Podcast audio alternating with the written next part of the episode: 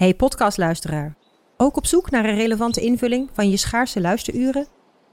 Tune dan in op de podcastserie ESG, even samengevat van BNP Paribas. Wij, Marloes en Aldert, spreken daar duurzame voorlopers en wereldverbeteraars. Waarover dan? Nou, bijvoorbeeld of we ooit duurzaam kunnen gaan vliegen. En waarom koeien in de stad nou een goed idee is? Dat en meer elke twee weken in een nieuwe aflevering. Dus abonneer je. ESG, even samengevat. Ik ben al jaren ondernemer, maar waar moet ik eigenlijk allemaal aan denken nu ik voor het eerst personeel wil aannemen, voor het eerst ga importeren of voor het eerst een bedrijfslocatie zoek? Weet wat je wel of niet moet doen bij zaken die je voor het eerst oppakt. Check kvk.nl voor praktische stappenplannen. KVK, hou vast voor ondernemers.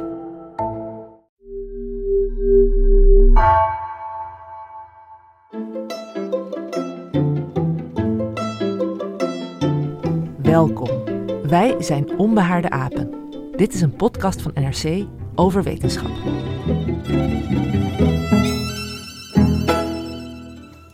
Overal dwarrelt witte bloesemsneeuw naar beneden. En ook de bloemen van magnoliabomen zijn uit hun fluweelzachte knoppen tevoorschijn gekomen. Ochtends en 's avonds klinkt een koor van vogelzang en onze winterjassen kunnen de kast in. Deze week is de astronomische lente begonnen en dat weet de natuur ook. Toch is niet elk voorjaar hetzelfde. Niet voor niets luidt het spreekwoord: maart roert zijn staart en april doet wat hij wil. Vorige eeuw vroor het eind maart nog regelmatig, terwijl we dit jaar nauwelijks een winter hebben gehad. Dus welke invloed heeft het klimaat op het ritme van de natuur? Wetenschapsredacteur Marcel Aandebrug volgde een jaar lang een boom om te zien hoe die verandert. En hoe dat nu anders is dan 30 jaar geleden.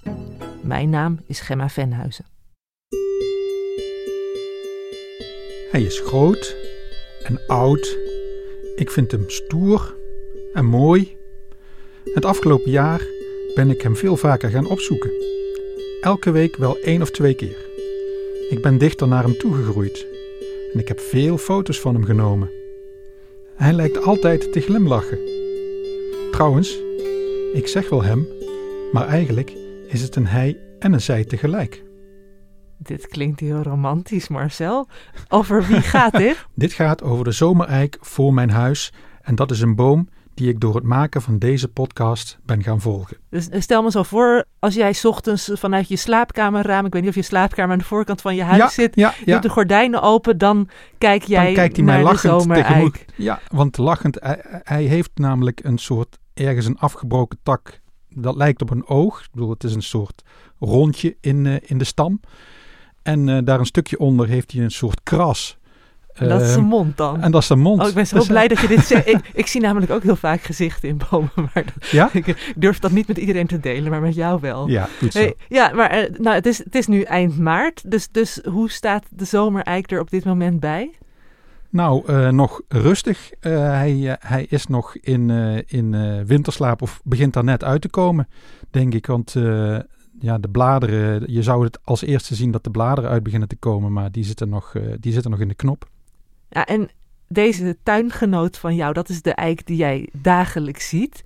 Maar jij hebt ook een speciale band met een andere zomereik, namelijk een eik die je een jaar lang bent gaan volgen. Ja, in eh, Ede staat hij. Nou, het is duidelijk dat jij, eh, net als ik, een, eh, een innige band hebt met bomen, Marcel. En het lijkt mij ook heerlijk om, om wat meer kennis te maken met één zo'n eik. Maar toch ligt er één vraag op het puntje van mijn tong. Waarom heb je dat gedaan? Eh, zoals je weet, ik schrijf veel over klimaatverandering. Dat is een groot en voor veel mensen heel abstract onderwerp. Dus ik ben aan het zoeken naar hoe kun je dat dan behapbaar maken voor de lezer, maar ook voor mezelf.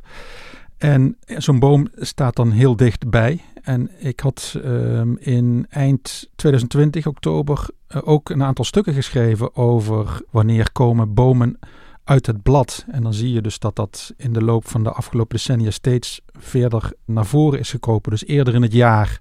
En ook over bladverkleuring heb ik toen ook een stuk geschreven. Dat zie je ook dat het onder invloed staat van eh, klimaatverandering.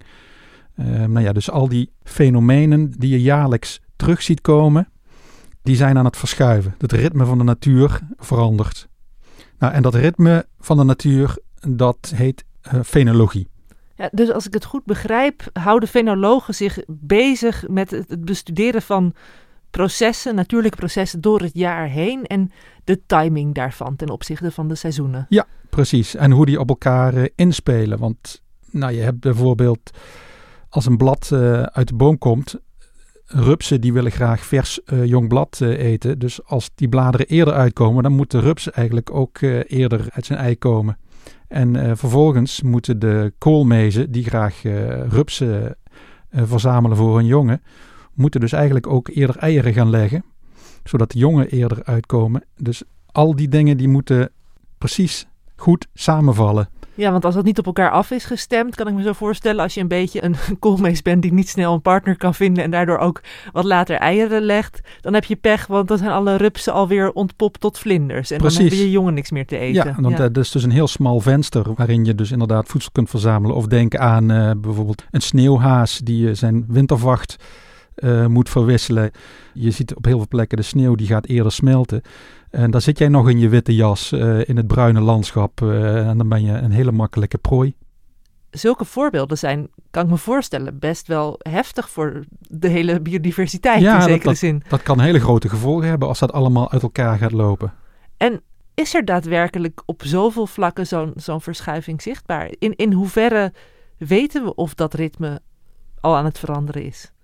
En dat was voor mij natuurlijk ook de grote vraag. En daarom ben ik eh, een eik een jaar lang gaan volgen. Nou oké, goed, dan besluit je, ik, ik, ik ga een eik in de gaten houden, maar hoe, hoe gaat dat? Eh, loop je lukraak eh, het, het bos in en denkt, die eik ga ik een jaar volgen? Ja, dus ik, ik was ook een beetje aan het zwemmen van hoe pak ik dat nou aan. En eh, hier moet ik hulp eh, bij, bij zoeken. En dat heb ik gedaan. En ik kwam uit bij Arnold van Vliet. Goeiedag. Hey Arnold. Hallo. Hij is bioloog aan de Wageningen Universiteit. En ik ben eh, vaker bij hem in Ede op bezoek geweest. De eerste keer eh, ruim een jaar geleden, begin februari. Ik heb eh, bij de school van mijn kinderen, de basisschool, daar staat een, een mooi exemplaar die ik al een paar jaar volg. Dus daar kunnen we even naartoe lopen. Ja, graag. Kijk, een paar ganzen die overvliegen. Ja, die wonen hier in de wijk sinds enige tijd, het jaar rond. Die trekken ook niet meer weg. eh. Dat is ook een verandering die je ziet. Ja, dat is ook wel een verandering. eh, die grauwe ganzen die eh, ja, gewoon steeds vaker hier in Nederland bl- blijven. Ja. Zullen we die kant oplopen? Ja. Het fietspad. Onderweg naar de eik kwamen we van alles tegen. Eh, Sneeuwklokjes die al vroeg uit waren. De hazelaar die zich ook al had aangepast aan een warm begin van de maand. Dit was dus een jaar geleden. Maar we hadden het ook net zo goed over dit jaar kunnen hebben. Ja, want ik heb dit jaar ook al eh, bloeiende hazelaars gezien, maar ik zit wel meteen te denken, vorig jaar kwamen we zo, hè, toen was half februari, was nog super koud met sneeuw en ijs. Ja. En daarna hadden we opeens, werd het heel warm. Dat het eind februari was het opeens echt het lenteachtig toen alweer. En dit jaar is het allemaal iets gematigder Ja, geweest. het is toch wel anders. Maar eh, je ziet nu ook toch alweer heel vroeg eh, inderdaad allerlei bomen in bloei.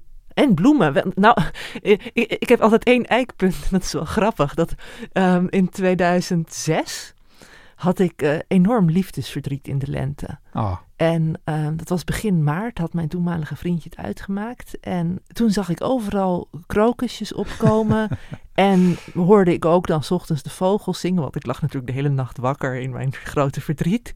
En ik weet nog dat ik dacht. Nu kan ik nooit meer van de lente genieten. Ik dacht, ik zal het voor altijd associëren met dit liefdesverdriet. Maar dat was dus een heel duidelijke, over fenologie gesproken, een heel duidelijk eikpunt. Dat ik krokussen altijd aan begin maart koppel. En dit jaar waren ze er ook al in februari en, en vorig jaar misschien ook wel. Dus gevoelsmatig denk, ik- denk ik de laatste jaren steeds van, huh, er zijn al krokusjes. Terwijl het nog niet het moment is dat mijn relatie eh, zoveel jaar geleden is verbroken. je kunt natuurlijk op één bepaald jaar kun je iets waarnemen. Maar als je een idee wil krijgen van hoe is dat dan door de jaren heen. Eh, want dat wil je weten. Hoe is het klimaatverandering op de lange termijn? Hoe beïnvloedt dat al die processen? Nou ja, en Arnold die beheert nu de natuurkalender. En dat is een databank van allerlei waarnemingen. Waarin dit soort processen dus worden bijgehouden. Je kunt gewoon op, op de website eh, gaan nazoeken. Je kunt selecteren, eh, plant, zomereik. En een jaartal. De zomereik bijvoorbeeld gaan de waarnemingen terug tot, uh, als ik het goed zeg, 1868. 1868? Ja. Nou, zo oud is Arnold nog niet. Maar dat, dat heeft hij heeft van Maar- allemaal oude archieven bijeengeraapt. eh. Ja, en hij heeft dat hele databestand in 2001 overgenomen en heeft dat eh, met allerlei waarnemingen uitgebreid. Dus dat is echt een heel mooi document. Maar er zijn nog waarnemingen die nog ouder zijn. In Japan bijvoorbeeld houden ze al vanaf de 8e eeuw de bloei van de Japanse kersenbloesem bij. Ja, de sakura noemen ze dat eh, in het Japans. Ja. Ja. Eh, Arnold volgt dus zelf ook 60 bomen op de route vanaf Ede, waar hij woont, naar zijn werk in Wageningen. En dan komt hij langs verschillende soorten. En die fotografeert hij dan voor de Grow-app. En dat is een app die gelinkt is aan de natuurkalender. Daar kan iedereen aan meedoen. En je neemt een paar keer per week een foto, of ja, zo, zo vaak als je wil. Maar eh, belangrijk, vanaf precies dezelfde plek. En dan wordt er een database opgebouwd. En daar kan Arnold dan onderzoek mee doen. En doet hij zelf al jarenlang. En één daarvan is de zomereik. En één daarvan is de zomereik. Dit is hem? Dit is mijn eh vlinderboom-eik. De school heet hier de vlinderboom. Ah, op het schoolplein, ja. Nou, hij staat op het schoonplein, maar het is niet echt een plein. Het is natuurlijk lekker eh, een parkje waar die staat. We hebben een tribune omheen gebouwd waar ze lekker ook eh, in de schaduw van de boom kunnen zitten in de zomer. Ja, het is eh, ruim 80 jaar oud eh, inmiddels. Een van de oudere bomen in deze wijk, die in de jaren 90 eh, gevormd is. Dus op oude luchtfoto's zie je hem nog staan. En eh, ja, ik vind eh, eiken sowieso eh, schitterende bomen. Prachtig, ja. Die ruwe, die lekkere ruwe bast. Mooie eh, Lekker veel korstmossen erop. En gewoon Korstmos, mos. gewoon mos. Ja, hij, hij, hij splitst al vrij snel. eh, wat is het? Ik ben eh 1,90, dus eh 2,5 meter hoogte splitst hij al uit in een paar grote zijtakken. Ja, hoe hoog schat je dat eh, de boom is? Ehm, nou, een meter of tien. Ja, ik denk dat hij nog wel hoger is hoor. Als dit toch wel 2 meter, ik denk dat hij zo 15, eh, Ja? bijna 20 meter hoog is. En zoek- kan ik hier bij deze boom zien dat het een eik is? Want ik bedoel, aan de bladeren typische ja, de bladeren zie je niet. kunnen, Nee. ik zou het misschien nog wel kunnen herkennen, maar het is alleen maar stam en tak. Ja, ja het is natuurlijk eh, ja, een hele karakteristieke eh, stam. En ook qua, qua schors, zeg maar, heel eh, ruw. Ja, dus dit was het moment dat jij die ene zomereik leerde kennen. Dat lijkt me best een bijzonder moment. Ja, dat was natuurlijk spannend, want je werkt e- ergens naartoe en dan, eh, dan is het opeens zover. Arnold was dus mijn fenologiemeester. Hij heeft mij echt geleerd om eh, ho- hoe je moet kijken en waar je op moet letten. En heeft me ook eh, op die Grow-app geattendeerd, die, nou ja, waarmee ik dat proces heel mooi heb kunnen volgen. En ik was natuurlijk ook erg benieuwd naar waarom Arnold die eik op de basisschool heeft gekozen. Waarom specifiek die? Dus na onze wandeling en de ontmoeting zijn we nog even bij hem in de tuin gaan zitten. Nou, we, hebben, we zijn dus net eh, bij, eh, bij de school van je kinderen geweest. We hebben besloten om eh, de zomereik, om die te gaan volgen, een jaar lang. Ja. Hoe ben jij ooit bij die zomereik uitgekomen? Nou, hij ligt op mijn fiets, fietsroute, al voordat mijn kinderen daar geboren waren of naar school gingen. Ehm, maar zeker toen zij daar naar school gingen en ik de Grow-app kreeg, denk ik van ja, ik sta er elke ochtend stil door de week. Eh, en het is nog vlak bij mijn huis, dus ik kan er zelfs in het weekend makkelijk naartoe. Ehm, dus dan is het een ideale boom. Hij is ook nog de, ongeveer een van de oudste bomen in de wijk. Dus hij heeft ook wel wat, ja, wat statuur, zeg maar. Dus dan is dat een hele mooie plek om, om die te fotograferen. Maar en er staan ook nog andere bomen, hebben we net gezien. Maar je hebt gekozen voor de zomereik. Ja, ik vind de zomer eigenlijk wel een van de, de mooiste daar in de omgeving. Eh, gewoon, ik vind eiken gewoon een mooie boom. Ja, zo'n, eh, Waarom? Ja, gewoon groot. Eh, je ziet ze veel. Ze zijn ook, ze trekken heel veel beesten aan. Ze spelen gewoon een belangrijke rol in het Nederlands landschap. Een boom met karakter, om maar zo te zeggen. En als ik dan op zoek ga naar mijn eigen zomereik, om die een jaar lang te volgen, moet het dan ongeveer van dezelfde leeftijd zijn, zodat we het goed kunnen vergelijken? Of eh, maakt dat niet uit? Nee, ik zou wel een boom nemen, liefst eentje die apart staat, alleen staat. Maar hij moet wel in de buurt zijn van waar je vaak komt. Want- Nou ja, ik, ik heb voor mijn huis, staat namelijk een hele oude, nog veel ouder, nou, perfect. maar die is wel heel groot. Nou, daar moet je wat verder van afgestaan om hem goed in beeld te krijgen. En zeker mensen die kiezen, eh, als ze hierdoor geïnspireerd raken om ook zo'n boom te doen. Een jongere boom, hou er rekening mee dat hij met de jaren lang eh, eh, groter wordt. Dus dat hij dan nog steeds op je foto past. Dat is wel leuk als ik eh, Arnold er zo over hoor praten. Dan zit ik te denken, ja, eiken zijn wel bomen die al sinds mijn vroege jeugd een belangrijke rol in mijn leven speelden. En het was ook dankzij de eikels die ze produceerden. Want als kind deelde ik bomen, kun je zeggen, eigenlijk in, in drie categorieën op. Je had de paardenkastanjes, hè, want die hadden van die hele mooie, glanzend bruine eh, kastanjes. En die, die groene, prikkelige bolsters eromheen. Was fantastisch om mee te spelen. Je had eh, beukennootjes eh, van de beuk. Die waren lekker om te eten. Al leerde ik later dat je er niet te veel van mocht eten. Want dan zat er te veel giftig blauwzuur in. En je had eikels. En ik moet eerlijk zeggen dat ik niet meer zo goed weet.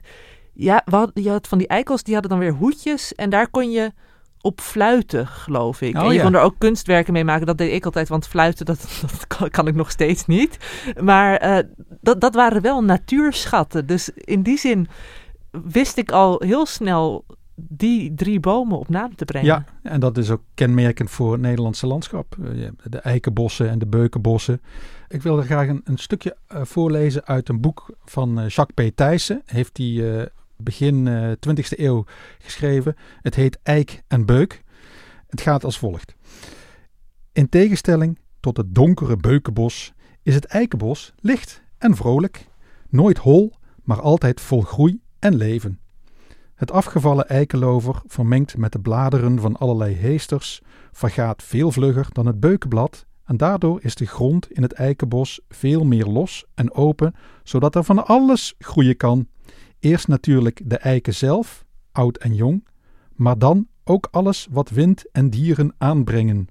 Beuken en sparretjes, vogelkers, meidoorn, gelderse roos, kardinaals, mus, sprakel, wegendoornberk en, en zo gaat het door. Maar eh, Jacques P. Thijssen vertelt op een heerlijke, enthousiaste manier hoe, eh, hoe soortenrijk eh, een eikenbos Het is. is wel grappig, want beuken staan inderdaad bekend om dat hele giftige blad wat lang blijft liggen, waardoor er nauwelijks iets anders kan groeien. En de eik is wat dat betreft, zou je kunnen zeggen, vriendelijker naar andere soorten. soort. Ja. Ja, en eh, wij, wij zeggen nu steeds eik, maar jij zei aan het begin ook al even zomereik.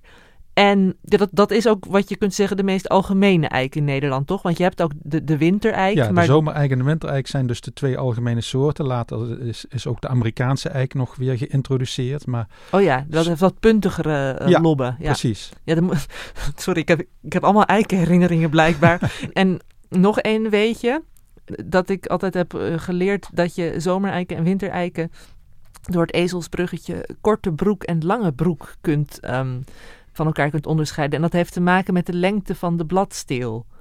Ja, het is een beetje verwarrend. Want je moet kijken, eh, hebben we het over de bladsteel of hebben we het over de bloemvorm? Oei, ja, oké. Ja, ik, zie, ik laat het jou even uitleggen, want bij mij is het duidelijk maar half blijven hangen. Daar, eh, daar eh, besteedt Jacques P. Thijssen ook aandacht aan. Ehm, de Latijnse naam voor beide is eh Quercus robur en Quercus sessiliflora. De eerste is de zomereik. Ja. En sessiliflora betekent met zittende, dat wil zeggen kort gesteelde bloemen. Dus de eikeltjes bij de wintereik zitten op een dicht trosje op elkaar. En bij de zomereik, die in Duitsland trouwens steeleik wordt genoemd, stieleiche, zitten de bloemetjes aan lange stelen. Maar bij de bladeren is het weer precies andersom. Oké, dus wat bladeren betreft klopt het ezelsbruggetje. Zomereik korte broek, wintereik lange broek. Ja, ja Maar bij de eikels eh, eh, is het is andersom. het andersom. Ja. Goed, nou, proberen dit te onthouden. Eh, terug naar de, de zomereik. Ja. Je hoort al wel van, ik, ik, ik, ken de boom al uit mijn jeugd, al, ruim 30 jaar. En in mijn hoofd is het een soort tijdloze boom en, en is daar niet heel veel aan veranderd. Maar Arnold, die is dus juist bezig om te onderzoeken of er wel veranderingen optreden. Ja, dus inderdaad, eh, er verandert niet zoveel in de plek waar de boom staat. Eh, maar de processen die de boom door het jaar heen doormaakt, daar verandert wel van alles in.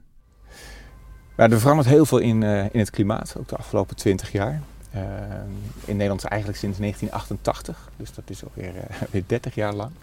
En je ziet daar verandering in de natuur. En je wil weten, wat doet die klimaatverandering, zeker wat er nog gaat komen, wat, wat, wat, wat voor gevolgen heeft dat? En want hoe kunnen we ons daar ook op aanpassen, hoe kunnen we de natuur daarop helpen? En is dat vooral de temperatuur? Want als ik bedoel, gemiddeld wereldwijd is de temperatuur nu vergeleken met ruim 100 jaar geleden is 1 graad eh, gestegen. Nou, op op land gaat het iets sneller. Nou, in Nederland is het al 2 graden. 2 graden. Ja. En, Ehm, maar dat maakt al heel veel verschil. Dat maakt wel heel veel verschil. Nee, maar het was eigenlijk al tijdens eh, mijn studie dat ik me... Dat is eigenlijk de reden waarom ik naar Wageningen ben gegaan om biologie te studeren. Is eh, dat ik me zorgen maakte met verhalen uit het... het was toen nog het programma Ja Natuurlijk. Van Jan-Juus Bos, onder andere. Van dat het niet goed gaat met de natuur. In Nederland niet, wereldwijd niet. Want was jij toen ook al fanatiek eh, bioloog, zou nee, helemaal niet. Ik was niet zo'n iemand die... eh, eh, ik was daar niet dag en nacht mee bezig. Ik zat niet bij de zeven kennis of wat dan ook, scouting. Maar ik had wel zoiets van, ik wil, ik wil daar wel meer van weten en iets aan doen. En toen ben ik in Wageningen gaan studeren.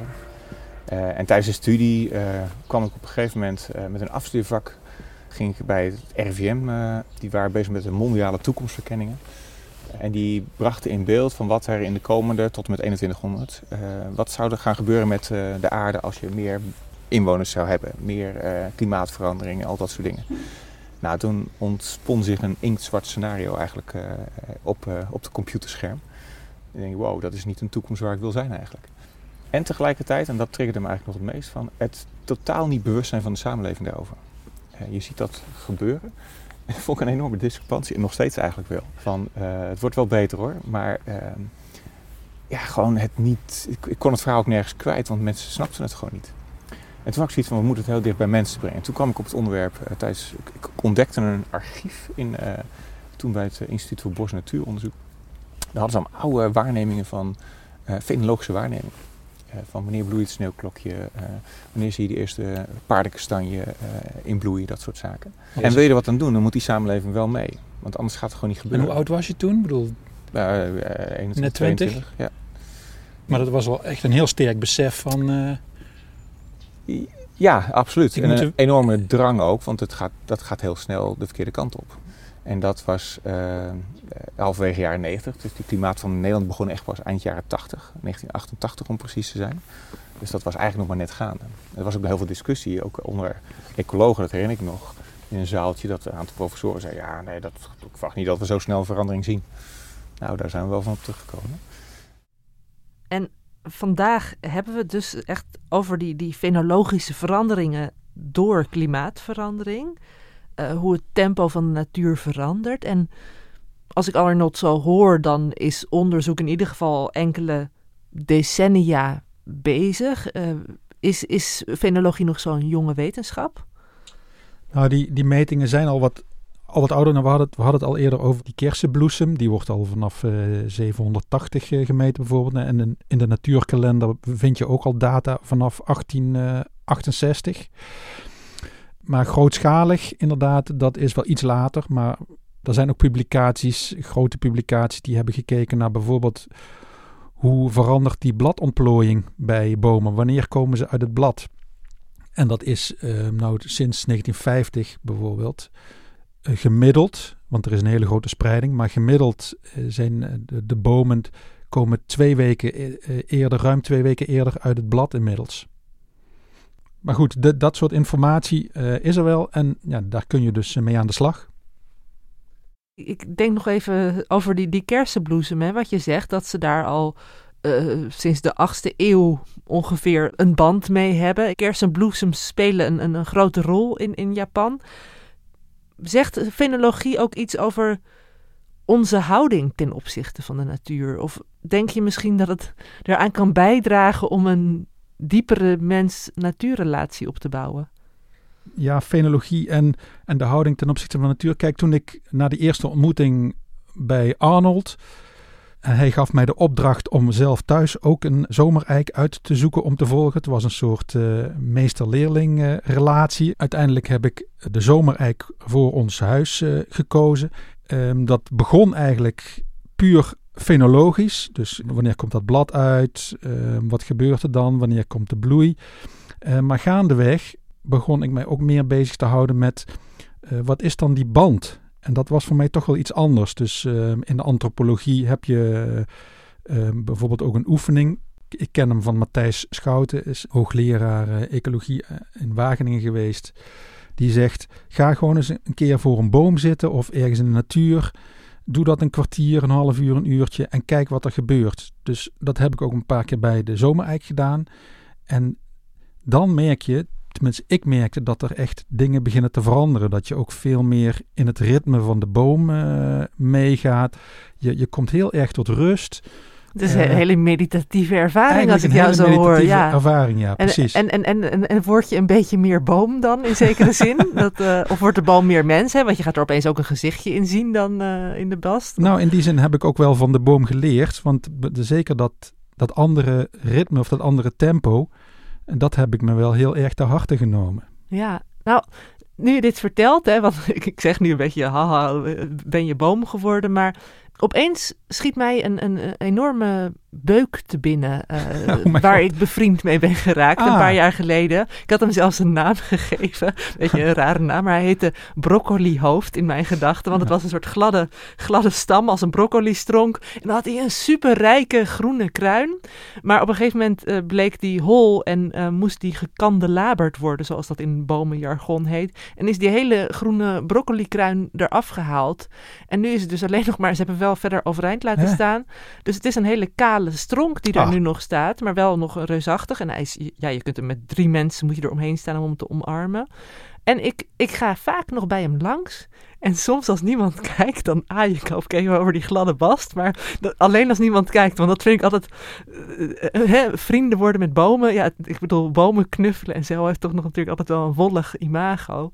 Terwijl wat je maar zegt... Dat is, ja, precies. Ik vind, basten van beuken vind ik ook zo prachtig. Ze doen mij altijd aan olifantenpoten denken. Oh ja, dat is uh, mooi. Ja, nee, kan, ik, kan ik me helemaal voorstellen. Maar laat ik het dan anders zeggen. Ik heb het idee dat jij, want je zei net, hè, die eerste ontmoeting met de zomer, ik was nog vrij afstandelijk, maar dat dat impliceert dat na die afstandelijke ontmoeting, dat, dat jij wel een, een, een, een diepere band hebt gekregen. Absoluut. Nee, ik heb een, uh, zeker met eh, de zomereik voor, uh, voor ons huis die ben ik echt heel anders gaan bekijken. Die met het gezichtje? Met het gezichtje, ja. Ja, want in Japan heb je ook toch zo'n zo'n trend bosbaden. Dat heet dan niet wandelen, maar bosbaden. En dat is dan ook echt dat je weer helemaal in het bos opgaat. Goed, nu dwalen we wat af van de wetenschappelijke kant.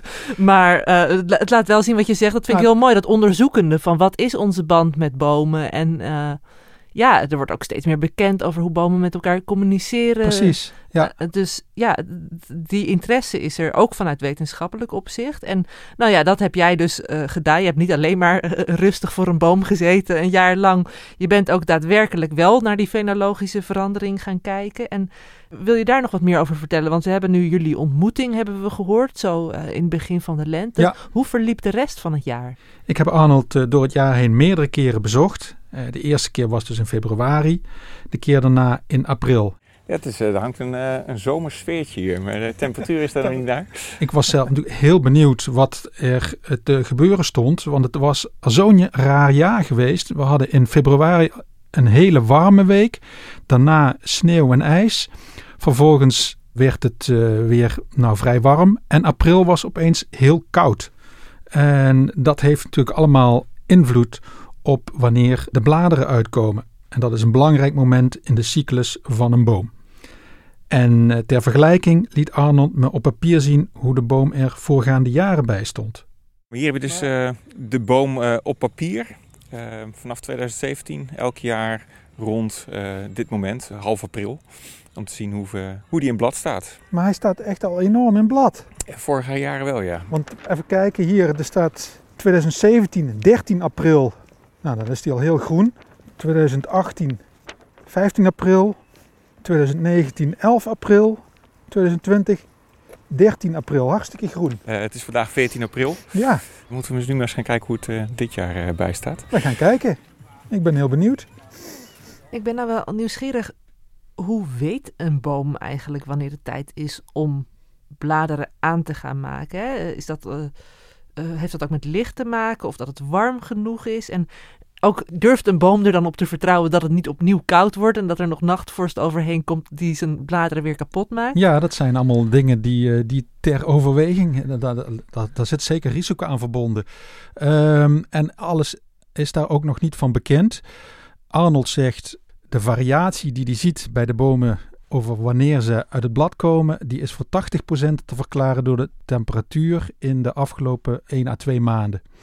Dus de temperatuur speelt er een hele grote rol, maar dat is niet alles.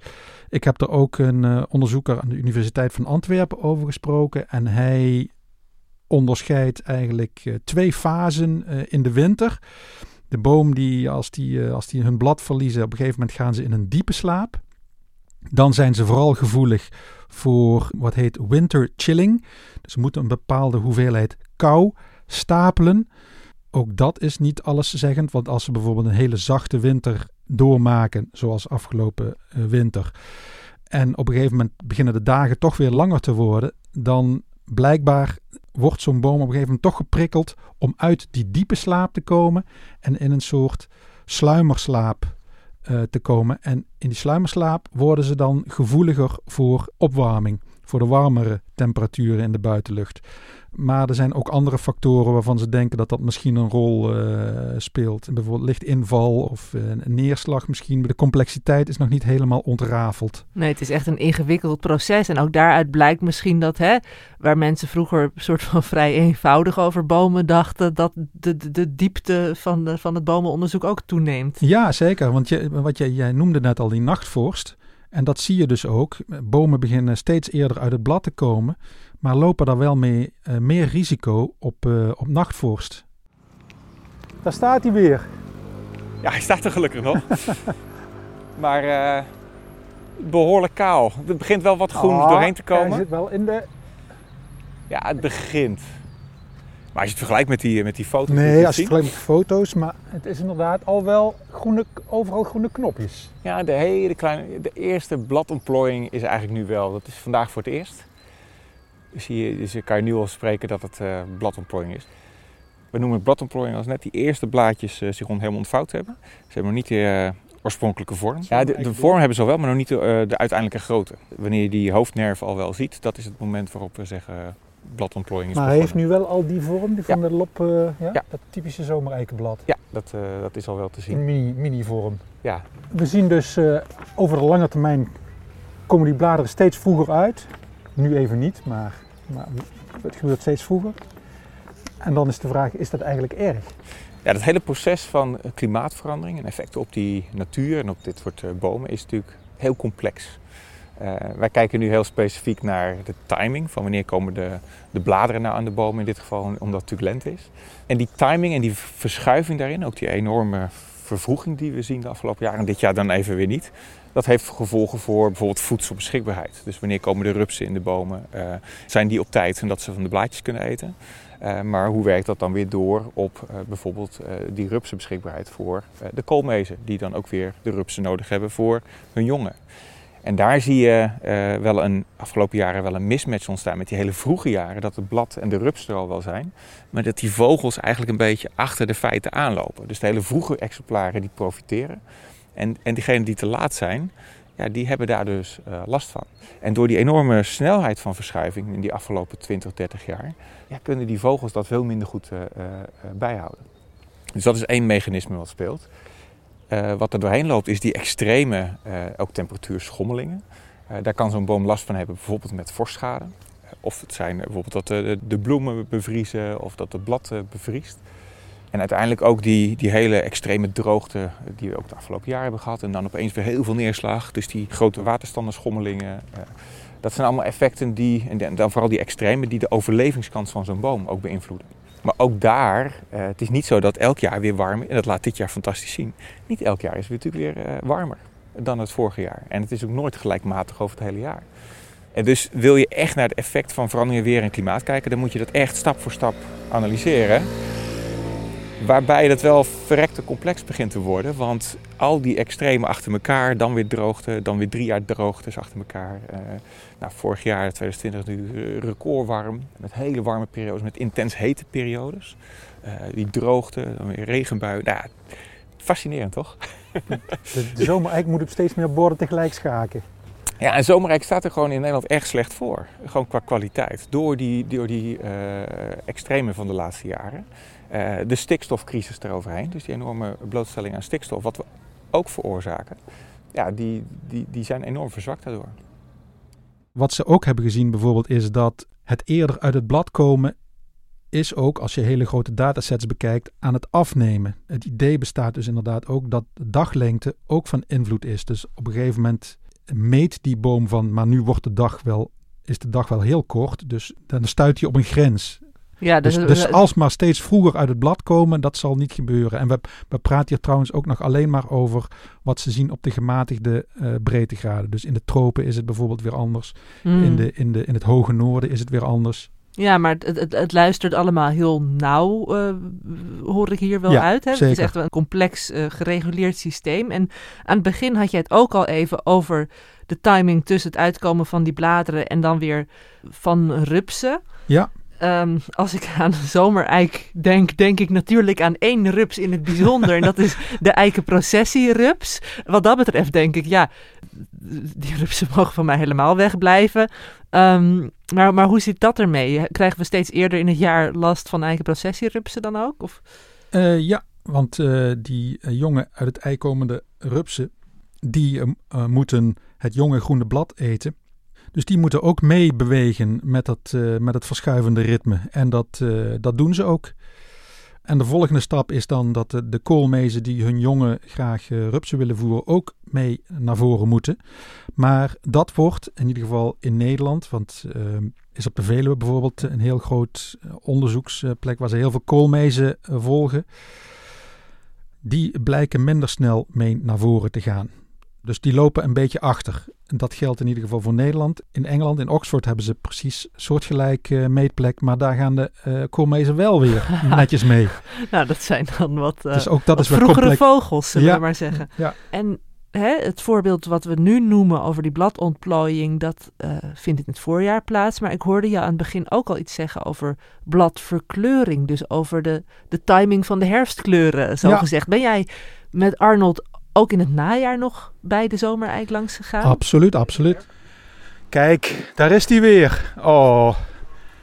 hey. En eh, gele blaadjes zien we nu. Ja, we hebben oktober. En dat eh, betekent dus eh, begin van de herfst.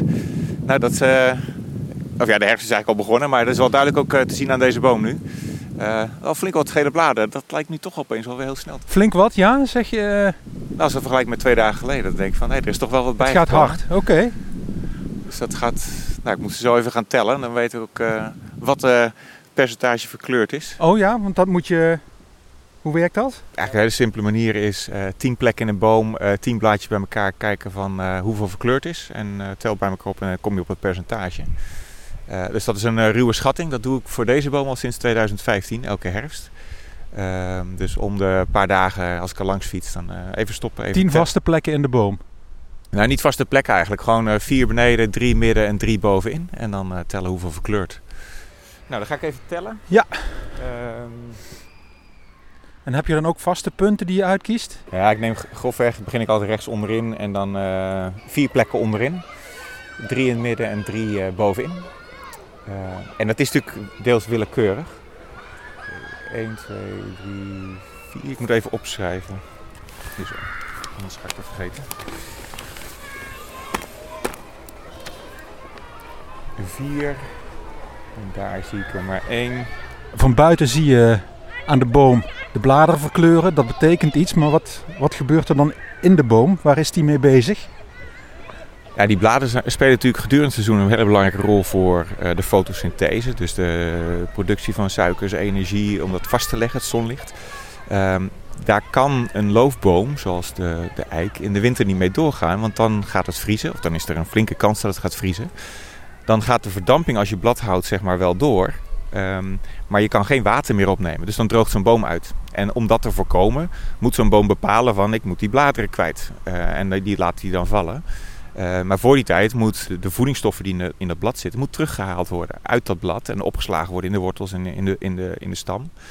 Dus dat proces is nu gaande. Zo'n boom moet bepalen, en dat is natuurlijk door ja, genetisch en selectie en alles uh, bepaald, wanneer dat verkleuringsproces uh, begint. Want als je overvallen wordt door opeens vorst en al het blad zit er nog aan, dan bevriest dat en dan valt het eraf en ben je al die voedingsstoffen ook kwijt. Maar hij gaat dus echt actief stoffen uit die bladeren terugtrekken. Ja, en er wordt ook een kurklaagje gevormd tussen het blad en, uh, en de stam. Eh, en dat is ook weer onder invloed van daglicht, want dat speelt ook nog weer mee. Dus als het ware op, op, op de stengel naar het blad, Ja, daar, daar gaan nou, laten we daar gaat- blad, blad bijpakken. Eh, als je die afknapt, juist op dat eh, eh, scheidvlak, daar wordt een kurklaagje gevormd. daar gaan de cellen veranderen. Ja, en dat is nodig om hem die blad te kunnen laten afbreken. Want anders, hij zit gedurende het jaar, Ja, moet hij er niet meer... kurklaagje zorgt ervoor dat hij minder vast... Of dat zijn Ja, dan zit hij alleen nog maar aan de vaten, zeg maar, waarmee hij de verbinding met de boom heeft. Daar hangt hij dan nog aan vast. En die kurklaag, dat is zo'n zo'n scheurlaagje eigenlijk, waarmee dat blad eh, ja, en als het dan een beetje waait, dan waait het blad wat makkelijker weg. Maar in zijn algemeenheid kan je zeggen dat de herfst naar achteren verschuift bij klimaatverandering. Door hogere temperaturen heb je latere bladverkleuring, latere kurklaagjevorming en dus latere bladval. Is dat erg? Nou, het is wel heel interessant, omdat de hoeveel eh, CO2 er vastgelegd bijvoorbeeld, ook weer in een klimaatcontext, eh, is onder andere afhankelijk van hoe lang duurt het groeiseizoen. En we zien nu eh, aan de voorkant, dus het, het voorjaar begint steeds eerder. Dit Ja. jaar dan even net weer niet, want het was dus een, eigenlijk een echt, ook in, eh, vanaf 1900 echt een koud voorjaar. Maar de voorkant dus vroeger, eh, achterkant later. Dus Ja, het lengte van het groeiseizoen neemt toe. En dat zien we ook met satellietgegevens. Dat er over de, het hele noordelijke halfrond... dat de productiviteit, dus de fotosyntheseactiviteit... flink aan het eh, eh, toenemen is. Dus de bomen compenseren extra voor onze CO2-uitstoot, zou je kunnen zeggen. Nee, want ze nemen wel... ze produceren wel meer, maar het valt ook allemaal naar beneden. voor een groot deel. Komt in de winter weer vrij. En dat, uiteindelijk komt dat ook weer vrij. Dus je ziet, als je kijkt naar die CO2-concentratie gedurende een jaar... dan Die is dan- wel meer gaan schommelen. die, die, die, die slaat veel meer uit van jaar tot jaar. Dus maar misschien leggen ze wel wat meer CO2 vast. Maar dat, dat compenseert niet van wa- wat wij in die lucht Nee, stoppen. nee, nee, nee. zeker niet. Die bladverkleuring is dus ook zo'n heel belangrijk fenologisch kenmerk. Maar er is ook nog iets anders. Eh, de bloei van eh, de eik en de vruchten die daaraan komen, de eikeltjes. En bij die eikels is ook een opvallende verandering te zien de afgelopen jaren. Trouwens, eh, niet alleen bij de eik, maar ook bij de beuk eh, en de beukennootjes. We hebben dus inderdaad 8, 1, 2, 3, 4, 5, 6, 7, 8 jaar gehad met eh, nou, redelijk veel eikels en beukennootjes.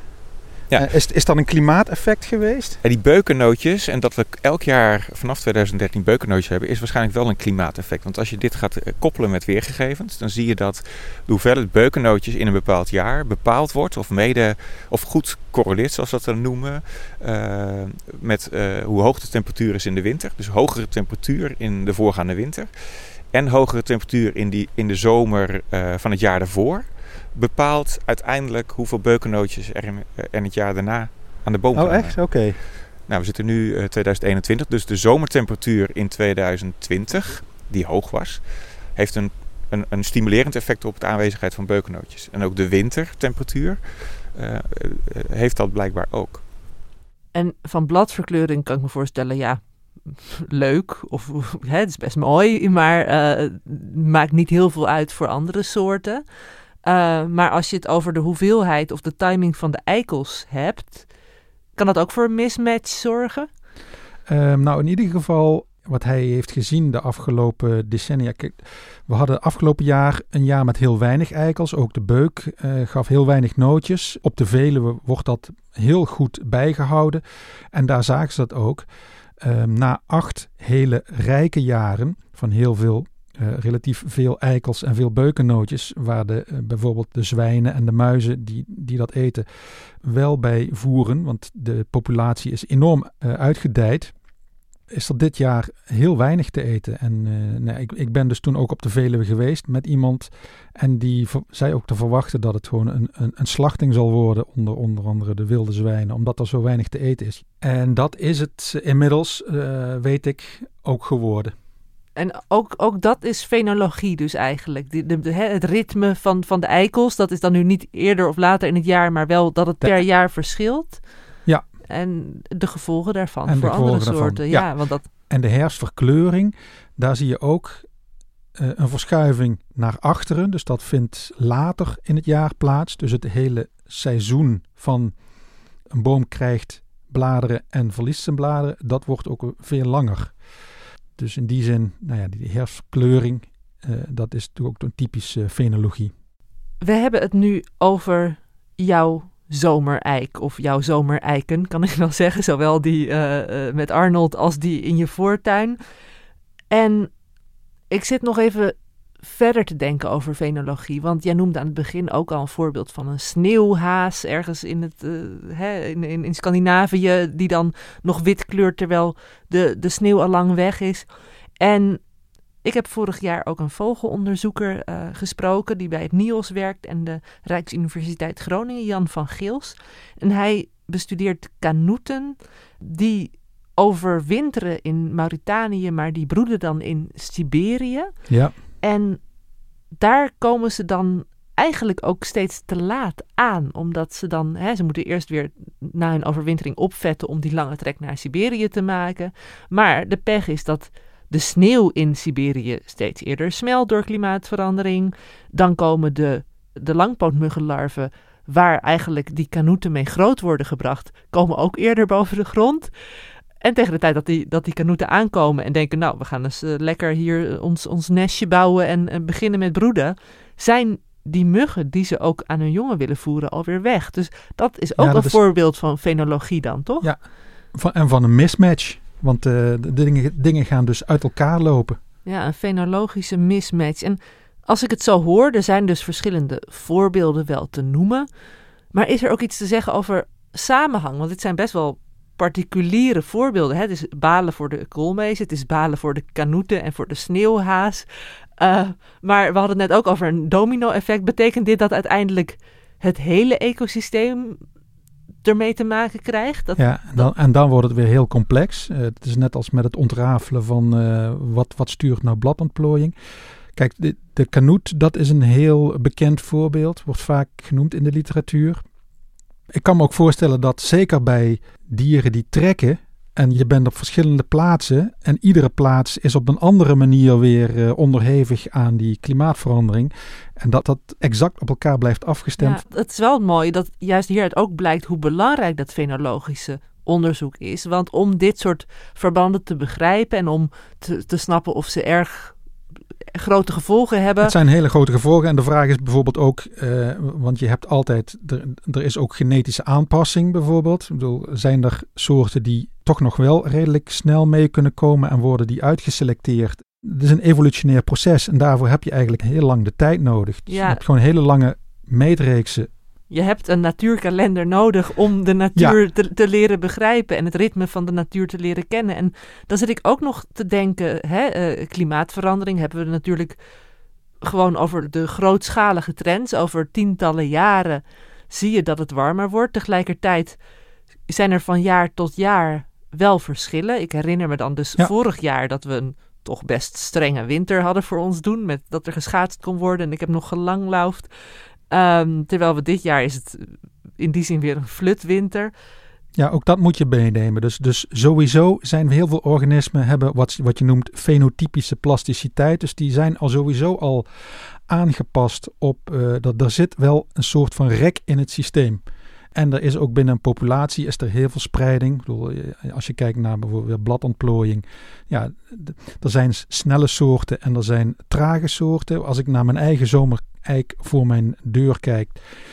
Die verliest bijvoorbeeld in het najaar vrij snel zijn blad. Maar de twee eiken, iets jongere eiken die daarnaast staan, die eh, was mij afgelopen jaar opgevallen. Die houden hun blad nog veel langer. Eh, en die werpen hun blad veel later af met het risico dat ze in een koudere periode terechtkomen en dus ook schade oplopen.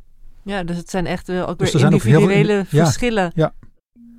En Marcel, die zomereik in jouw voortuin, die kun je natuurlijk dag in dag uit jarenlang blijven zien. Gelukkig wel. Maar de eik met Arnold was de afspraak, je gaat hem één jaar volgen. En ja. eh, is dat ook zo gegaan? Is er een afscheidsmoment gekomen na een jaar? Ja, dat was eh, inderdaad, eh, wat dit zal het zijn geweest, anderhalf, twee weken geleden. Ehm, en ik had Arnold al gemaild van het wordt de laatste keer en ik ben er een beetje weemoedig onder. En eh, Arnold schreef terug van we maken er iets moois van. Maar eh, ja, nee, dat was, ja, je, je sluit iets af. Eh, we zijn nog, nog inderdaad naar de zomereik gewandeld en het was mooi weer. En er waren spelende kinderen buiten, dat was best vrolijk. Maar om dan afscheid te nemen van de zomereik. ja, Je mag vast toch wel een keertje terug. En het mooie is ook wel om te weten natuurlijk dat die zomereik, als het goed is, nog jaren en jaren daar blijft Die staan. staat er nog wel, dus, ik, ik weet waar die staat. Ik, eh, ik kan ook zelf nog een keer terug. Ja, dat is zo. De laatste keer, dan gaan we zo afscheid nemen van... eh, nou ja, jij blijft hem wel volgen, maar Ja, absoluut. voor mij eh, zal dit eh, de laatste keer zijn, ja. Nou ja, maar je kan hem ook blijven volgen op, eh, op Grow, hè? Grow app, keer als ja, natuurlijk. maak, staat Ja. hij er gewoon weer bij. Dus, eh, Ja, maar ben je nou ook anders naar die bomen gaan kijken? Nou, en dat is voor mij, denk ik inderdaad, de grootste verandering is dat ik veel beter ben gaan kijken. Wat jij al zei inderdaad in het begin, dat heb ik wel gemerkt. Daar ben ik je al, sowieso al heel dankbaar voor. Ja, dat Ja. vind ik ook gewoon leuk. Ja. Ik merk het zelf ook dat je, eh, nou ben ik niet helemaal gemiddeld, maar wat dat betreft, het is mijn werk inderdaad, maar ook wel, je gaat anders kijken. En die Engelsen noemen dat noticing nature, dus dat je toch ja, dat wat bewuster wordt van waar zijn we in het seizoen en wat, wat gebeurt er eigenlijk om je heen. Ja, maar ook eh, dat je gewoon dichter bij, eh, in dit geval een boom, maar in brede zin in de natuur, bij, dichter bij de natuur komt te staan. En gewoon, het, zijn, het lijken objecten, maar het zijn gewoon levende wezens die, die hier gewoon om ons heen staan. Die hier al, die hebben 80 jaar gewoon sterk staat, kan geen kant op. Eh, ik, dat vind ik ook wel eens eh, mooi om te realiseren. Omdat gewoon, het zijn ook gewoon organismen die daar eh, ja, onze, onze wereld verrijken. In dat kader is het ook wel weer heel interessant dat jij gewoon een paar specifieke bomen hebt gevolgd. Want dan zie je, weet normaal, wat ik zei vroeger, zag ik alle bomen als bomen. Toen leerde ik eh, onderscheid maken tussen eik, beuk en paardenkastanje. Toen tussen zomereik en wintereik. En nu kun je dus eigenlijk ook tussen die verschillende zomereiken heb jij weer. Ik zal het noem het maar even heel vrij karakterverschillen Nou ja, eh, het is grappig, waargenomen. grappig dat je dat noemt, want dat is wel zo. Ik bedoel, het, is, het, het heeft voor mij inderdaad een tweeledig effect gehad. Eh, namelijk, eh, en je bent je meer bewust van al die processen die door het jaar heen veranderen. Dus daar heb ik meer oog voor gekregen. En ehm, je gaat inderdaad eh, de bomen meer zien als karakters. Als, het zijn geen objecten meer, maar het zijn bij wijze van spreken personen geworden die zich anders gedragen. In, dus ja, de, die houding ten opzichte van de natuur is, is dus bij mij ook veranderd. En als jij luisteraars nu een tip zou willen geven, eh, hè, stel dat er nu iemand denkt, oh ik wil ook de bomen in mijn buurt beter leren kennen, waar, waar begin je dan? Eh, nou ja, twee dingen. Dus je hebt eh, de manier zoals Arnold die mij geleerd heeft. Ga het door het jaar heen volgen en ga het opslaan op de een of andere manier. De Grow-app die Arnold daarvoor gebruikt is een hele goede manier. Eh, want je maakt foto's door het jaar heen en je kunt bijvoorbeeld ook fotoreeksen weer terugkijken. En dan zie je als een soort snapshots achter elkaar een soort filmpje zich afspelen. Eh, en eh, een andere is, ga eens een keer eh, inderdaad gewoon een kwartier of een half uurtje voor een boom zitten. En, en laat het over je heen komen en kijk wat er gebeurt. Kijk wat er gebeurt. Nou, dat eh, vind ik ook voor, voor het wetenschappelijk onderzoek is dat eigenlijk een, een, een, een goede take-home message in dit geval, toch? Hè? We moeten juist ook om nog beter die samenhang tussen alle soorten en, en mismatches te begrijpen, moeten we blijven kijken wat er gebeurt. En ja, we moeten blijven kijken en om die complexiteit eh, beter te, te kunnen doorgronden, moeten we beter en langer kijken. Beter en langer kijken. Nou, ik ga zo meteen naar buiten en eens goed kijken of ik een eh, mooie boom in mijn omgeving kan vinden om een band mee op te bouwen. Dankjewel Marcel voor dit prachtige verhaal. Eh, dank ook aan Arnold natuurlijk voor de uitgebreide... Ja. Mijn meester. Ja, precies. Meester Arnold. Elze van Driel en Mirjam van Zuidam bedankt voor de productie. En aan iedereen thuis bedankt voor het luisteren. Deel ook zeker als je een mooie boom in je eigen omgeving hebt of op de een of andere manier een ander eh, zomereik verhaal met ons wil delen. Laat het ons weten via Twitter en eh, geniet van de lente en volgende week zijn we er weer.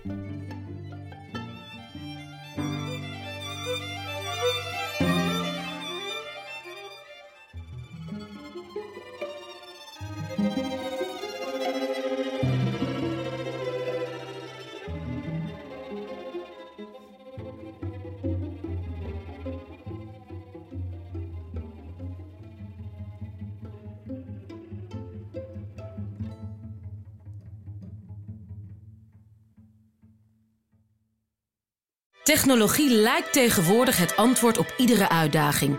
Bij PwC zien we dit anders. Als we de potentie van technologie willen benutten, kunnen we niet zonder een menselijk perspectief. Human-led, tech-powered noemen we dat. Ga naar pwc.nl.